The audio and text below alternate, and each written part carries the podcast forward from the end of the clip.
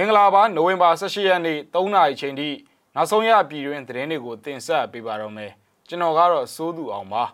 ချင်းတော်လိုင်းတပ်ဖွဲ့တွေနဲ့စစ်ကောင်စီတပ်တို့တိုက်ပွဲဖြစ်ပွားခဲ့ပါတယ်ရန်ကုန်တိုင်းထဲမှာ PDF 43ယောက်နဲ့ထောက်ပံ့ကူညီပေးသူ10ယောက်ကိုဖမ်းဆီးရမိတယ်လို့စစ်ကောင်စီကကြေညာပါတယ်ကလေးကံကောလမ်းပိုင်းကိုဖျက်ဆီးတော်လာခြင်းမပြုဖို့ PDF ကသတိပေးထားပါတယ်စစ်ကောင်စီတပ်အတွက်ရိတ်ခါတင်ဆောင်လာတဲ့ယထာ မိုင်းဆွဲတိုက်ခိုက်ခံလိုက်ရပါတယ်။နိုင်ငံတကာသတင်းတွေဘက်မှာတော့စူဒန်မှာအာဏာသိမ်းမှုစန့်ကျင်ဆန္ဒပြပွဲတွေဖြိုခွင်းခံရပြီးတော့15ယောက်ပြစ်ဒဏ်ခံခဲ့ရပါတယ်။ဒီအကြောင်းတွေပါဝင်တဲ့နောက်ဆုံးရပြည်တွင်းနဲ့နိုင်ငံတကာသတင်းတွေကိုတင်ဆက်ပေးပါတော့မယ်။အကြမ်းဖက်စစ်ကောင်စီတပ်တွေနဲ့ကလေးပြည်သူ့ကာကွယ်ရေးတပ်ဖွဲ့တို့အကြားတိုက်ပွဲပြင်းထန်နေတဲ့အတွက်ကလေးကံကောလမ်းပိုင်းကိုဖျက်ဆီးတော်လာခြင်းမပြုဖို့ Ranger ကလေး Defense Force က သတိပေးထုတ်ပြန်လိုက်ပါတယ်။ဆက်လက်ပြီးတော့စစ်ရေးသင်းမှနေတာကြောင့်နိုဝင်ဘာ18ရက်ကစလို့နိုဝင်ဘာ24ရက်အထိ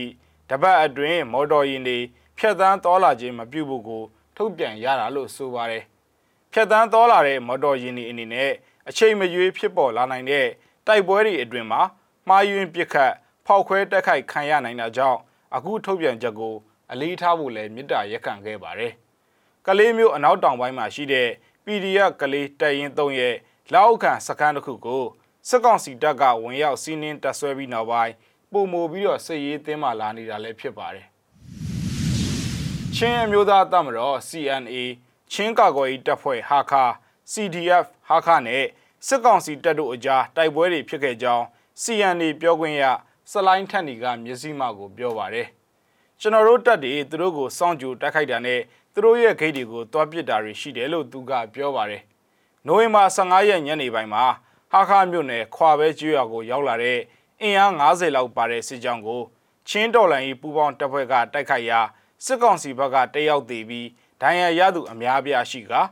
ဟာခါမြို့ဘက်ကိုစုတ်ခွာသွားတယ်လို့သိရပါတယ်။နိုဝင်ဘာ16ရက်မနက်မှာခွာပဲကျွော်နာကိုစစ်ကောင်စီတပ်တွေဒုတိယအကြိမ်လာရောက်လို့တိုက်ပွဲထပ်မံဖြစ်ရာစစ်ကောင်စီတပ်ကတယောက်သေးပြီး ကြီးစံတွေနဲ့လူအသုံးဆောင်ပစ္စည်းတွေသိသိရမိကြောင်းကိုလည်း၎င်းကပြောပါတယ်။ဒါအပြင်မှာအဆိုပါနေ့မှာပဲဟာခါမြို့ထာရက်ကွက်မြို့သစ်လမ်းစုံနဲ့မြို့အထွက်နေရာတွေမှာချင်းတော်လိုင်းရေးပူးပေါင်းတပ်ဖွဲ့တွေကဝင်ရောက်ပစ်ခတ်မှုတွေရှိခဲ့သေးကြောင်းလည်းသိရပါတယ်။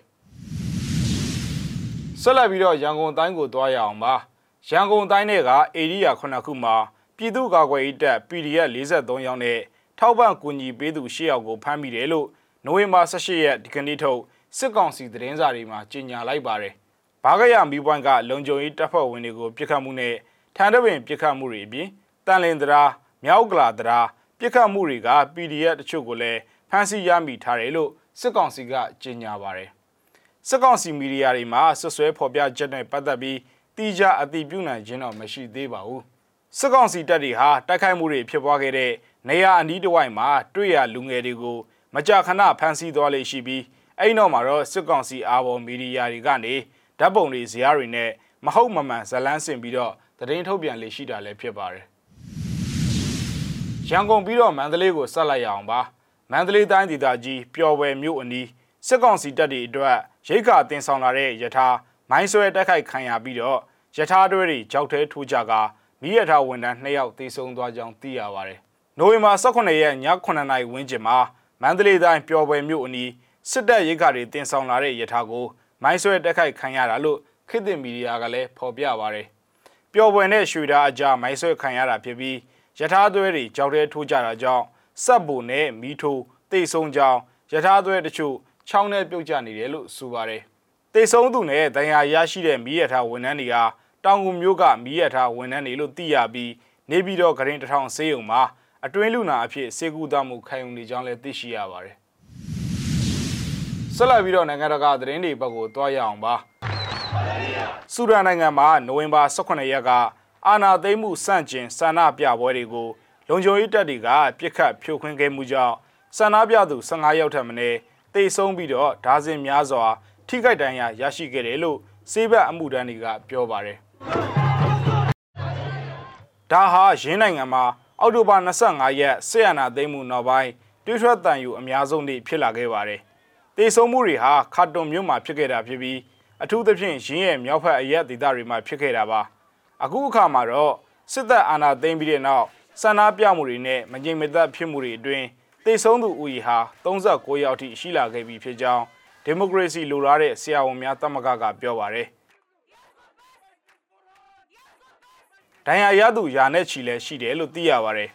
ဒီနေ့အစုလိုက်ပြုံလိုက်အသက်ခံရမှုကြောင့်ကျွန်တော်တို့ရဲ့ကြွေးကြော်တန်တွေသိစိတ်မသွားပဲပိုလို့တော့အားကောင်းလာပါမယ်စစ်တပ်နဲ့အကြားမညီနိုင်ဘူးပူပေါင်းဆောင်ရွက်မှုမလုပ်ဘူးအပေးအယူမလုပ်ဘူးဆိုတာကကျွန်တော်တို့ရဲ့ကြွေးကြော်တန်ဆောင်ဖို့ဖြစ်ပါတယ်လို့ဆူဒန် Professional များအစည်းအရုံး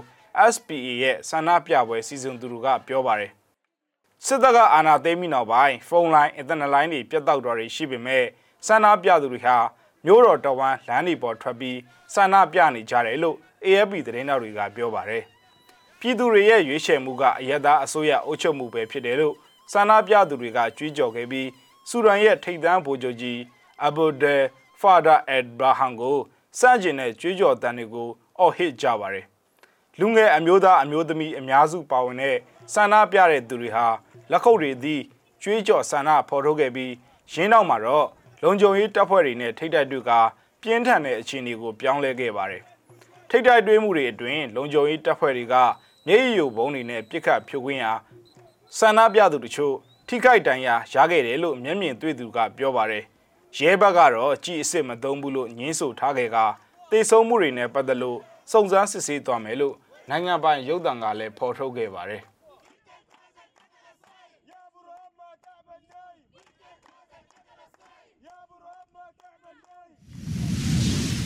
ရစီမရဲ့သတင်းအစီအစဉ်ကိုဒီမှာခဏရင်နာကြင်ပါတယ်ကြည့်ရှုခဲ့တဲ့မိဘပြည်သူတူဦးချင်းစီကိုကျေးဇူးအထူးပဲတင်ရှိပါတယ်ကျွန်တော်တို့သတင်းရည်နဲ့အတူတူပြန်ဆောင်ကြပါအောင်မယ်